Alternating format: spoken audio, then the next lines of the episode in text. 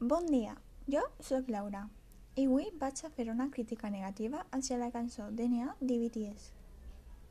A mi, personalment, m'agrada la cançó, però pense que està sobrevalorada per les seues fans. A més, algunes només apoyen al grup perquè pensen que són guapos. A pesar de tindre una bona combinació d'idiomes, coreà i anglès, no té un bon ritme.